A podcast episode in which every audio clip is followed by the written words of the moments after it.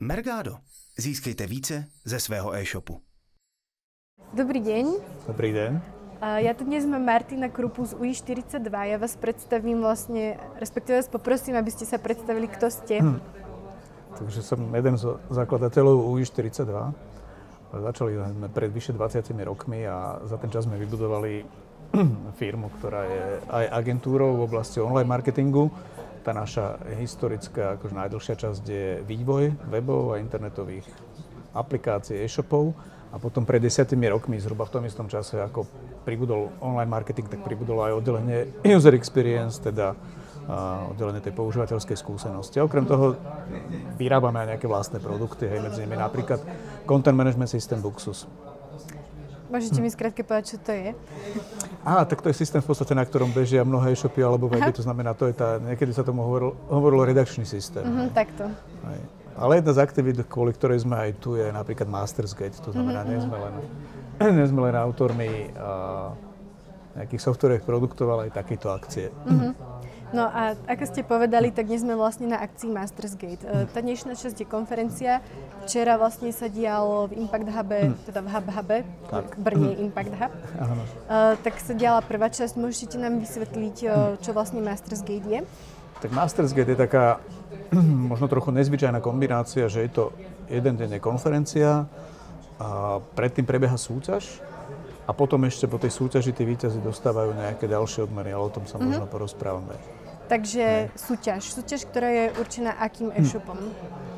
V princípe nemáme tam nejaké limity, ktoré by nejaké e-shopy eliminovali. To znamená, že sú tam aj malé, aj veľké, sú tam e-shopy z rôznych vertikál a dokonca tam nemusia byť len e-shopy, ale v podstate každý, kto, sa, kto e, funguje v oblasti e-commerce, hej, to znamená, že kľudne aj cestovné kancelárie mm-hmm. a napríklad teraz to bol Pelikán. Takže vlastne oni súťažia v nejakých kategóriách. Hej, hej, sú tam isté kategórie, ako napríklad my tam máme e, bricks to clicks, hej, to znamená, že kamenné obchody, ktoré sa snažia rozbehnúť online predaj. Mm.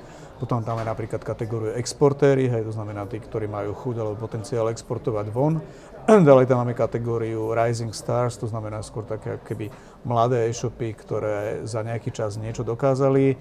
A niektoré kategórie sa menia, napríklad tohto roku nám pribudla kategória B2B, hej, to mhm. znamená, to je nový segment, to znamená predaj, veľkoobchodný predaj. A potom napríklad máme takú špeciálnu kategóriu, ktorou je inovačný potenciál, mm. nie inovačný, pardon, ale potenciál investičný, aj to znamená, že kto z pohľadu investorov má šancu a vy ste, ďalší rozvoj. Vy ste jeden z porodcov. Mm. Uh, ako vlastne to teda prebieha, keď už sa ten e-shop mm. prihlási, na základe čoho môže získať to ocenenie, alebo čo mm. preto musí urobiť? No, prebieha to v podstate v dvoch, dvoch častiach. To znamená, prvá časť e-shop sa prihlási, samozrejme musí o sebe vyplniť nejaké údaje. A potom je taká tá prvá časť, to znamená, keď v porote sedíme a vyberáme finalistov. Mm-hmm. To mhm. znamená, že v každej kategórii vyberáme štyroch z toho množstva.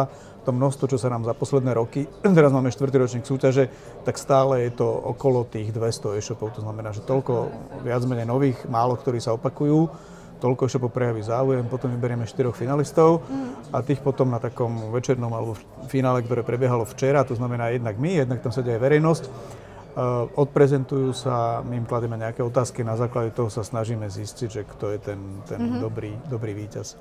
Čo vlastne stalo za myšlienkou takéhoto projektu? Áno, my sme mali pocit, že, že tie e-shopy majú pomerne veľa, veľa vecí, ktoré zdieľajú, to znamená v oblasti online marketingu, v oblasti softveru a tak ďalej. A málo, majú málo alebo takmer žiaden priestor, kde by spolu mohli debatovať. Hej. To znamená, mm-hmm. že tá naša prvá idea bola taká, že dajme ich dokopy. Hej aby teda dokopy ich spolu a plus dať dokopy ten ekosystém okolo nich, to znamená, že tak ako Mergado alebo iné agentúry, aby im vedeli svojím spôsobom mm-hmm. pomôcť a aby oni zistili, na čo sú takéto agentúry dobré. Mm-hmm. Hej. Takže je to hlavne podľa mňa celé toho networkingu, to znamená, aby sa ľudia stretli, povedali si svoje príbehy, posťažovali sa a pochválili sa.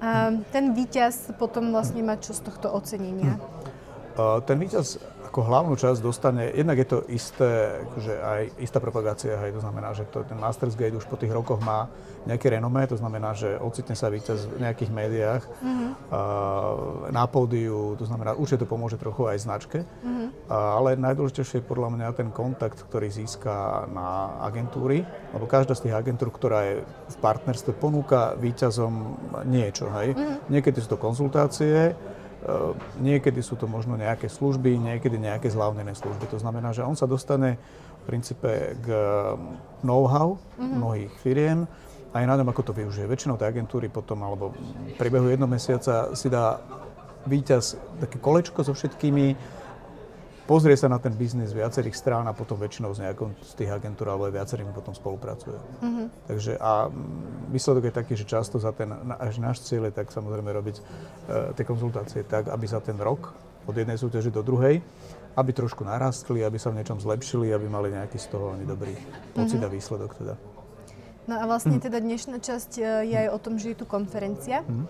Um, ako vzniklo to, že je to spojené teda aj ako keby mm konferenciou ako takou? Alebo... No, my, sme, my sme tú konferenciu doplnili druhý rok, eh, keď sme to, po tom, čo sme to rozbehli a tam zase bola pointa taká, že veľa e-shopov má nejaké know-how, ktoré rado povie ostatným. Hej. Mm-hmm. To, a čo, čo je príjemné, hej, to znamená, a potrebovali sme nejaký priestor, kde by to spravili, no tak a tá konferencia je dobrá, hej, to znamená, mm. snažíme sa tu mať uh, tých prednášajúcich, ktorí rozprávajú nejaké svoje vlastné skúsenosti a to je podľa mňa na nezaplatenie, hej, keď sa dozviete od niekoho priamo, ako sa mu niečo zadarilo, ale niekedy aj ako sa mu nezadarilo. Jasné. Hm.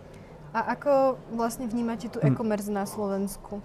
Myslíte si, že hm. takéto projekty majú zmysel aj naďalej, alebo akože uh, tá úroveň toho vzdelávania ako napreduje? Mm, tak určite, určite, hej, akože podľa mňa už uh, niektoré témy sú samozrejme väčšiné, hej. Uh, ja poviem napríklad to UX, stále kedy dookola to isté rozprávame ale, ale podľa mňa je strašne veľa, tie technológie sa veľmi vyvíjajú hej, a vy musíte reagovať na to. Potrebujete ľudí, ktorí vám povedia, ne, nemáte čas sedieť po večeroch a všetky nové veci ohľadom, ja neviem, YouTube, reklamy, SEA a ďalších vecí zisťovať sami. Je jednoduchšie, keď to vám niekto porozpráva, kto sa tým zaoberá. Hej. Mm-hmm. A na to je tá konferencia dobrá. Je to taká podľa mňa skrátka k nejakým užitočným informáciám. Mm-hmm. Hej. Čo by ste povedali treba z, mm. niekomu, kto rozmýšľa, že by sa zapojil mm. do budúceho ročníka, tak prečo ísť do mm. toho?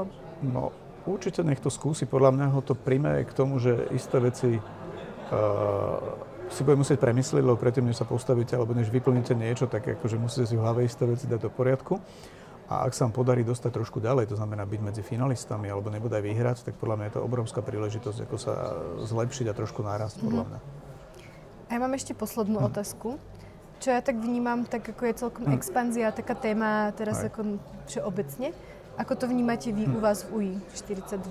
Venujete sa expanzii? No hej, hej, hej, máme, máme aj takú, taký pod, podtitulok, že e-commerce akcelerátor a naozaj jeden z tých spôsobov tej, tej akcelerácie je aj samozrejme smerom von. Hej. Mm-hmm. Ono je to dané, dané tým, že v súčasnosti samozrejme je veľká konkurencia medzi e-shopmi. Hej tej konkurencii, ak chcete ustať, tak potrebujete mať, poviem, že vyššiu maržu. Hej? A tú vyššiu maržu často získate tak, že viacej predávate. Hej? Mm. A niekedy sa ukazuje, že ten slovenský trh je malý na to, aby ste získali mm-hmm. vyššiu maržu pri niektorých nákupoch. Hej? Tak preto tie niektoré e-shopy sú v podstate núcené z toho Slovenska exportovať. Mm-hmm. A je jedna veľká výhoda, a to je tak geografická, že kde sme. Hej? Mm-hmm. To mhm. znamená, že my sme v oblasti, ktorá je ešte relatívne v raste, hej, mm-hmm. A nie je tu tak veľká konkurencia, hej, to znamená, že tá situácia zrejme v škandinávskych krajinách, v Británii je akože úplne iná, hej. Tie firmy zatiaľ neexpandujú sem, zrejme tie ich trhy momentálne stačia a expanzia možno do inej, inej časti Európy je pre nich náročnejšia. Ale pre nás je to dobrá pozícia, lebo tie okolité trhy, a teraz skôr sa dívam smerom na juhovýchod, to znamená, že smerom do Maďarska, do Rumunska, do Chorvátska, do Bulharska, na Ukrajinu. Hej, to mhm. znamená, že tento smer je pre nás zaujímavý, lebo navyše vieme nájsť ľudí. Sú to logisticky blízke trhy, to znamená, že z Košíc je do Rumunska kúsok. to si málo kto uvedomuje, ak teda mhm. máte tovar, ktorý prepravujete. Hej. Mhm. A navyše viete nájsť pomerne ľahko ľudí z týchto krajín, jazykovo zdatných, u nás aj v Bratislave alebo teda v Košiciach. Máte vy v UI nejakých takýchto zahraničných... Uh... Áno, áno, akože máme, akože u nás, u nás sú teda v Bratislave, uh, u nás pracujú akože Ukrajinci, máme tam Rumunov, uh-huh. máme tam Moravákov, máme tam Chorvátov, máme tam Srbov. Uh-huh. Takže keď bude chcieť niekto Maďarov, samozrejme. Áno, tak sme jeden, jeden z tých vhodných kandidátov, podľa mňa. Super. Napadá vás ešte niečo, čo by ste chceli doplniť treba k Masters Gate ako takému? Mm, naozaj možno ešte raz opakovať tú výzvu pre e-shopy, že podľa mňa je to, nie je to, je to taká robota navyše, sa zapojiť do nejakej súťaže, ale, ale aj keď v prípade, že nevyhráte, tak to vám to prinesie, prinesie nejaký užitok, hej, to znamená, mm. že trošku rem, že na sebe popracujete. A plus, keď sem prídete, tak stretnete veľa ľudí, ktorí podľa mňa rieši podobné problémy. Veľká výhoda je taká, že, že tí ľudia sú z rôznych segmentov a často aj tá konkurencia sa medzi sebou pozná, to znamená, ľudia vám radi mm. poradia. Mm. Hej. A to je na nezaplatenie. Akože nemusíte prejsť cez x vlastných, e, poviem, že malých neúspechov, ale môžete urobiť takú možno mm-hmm. niekedy skratku. A plus, tak ako Mergadu, je tu kopec agentúr, ktoré sú chtivé a teda chcú pomôcť e-shopom. Hm. Tak ja vám ďakujem za rozhovor. A ja ďakujem.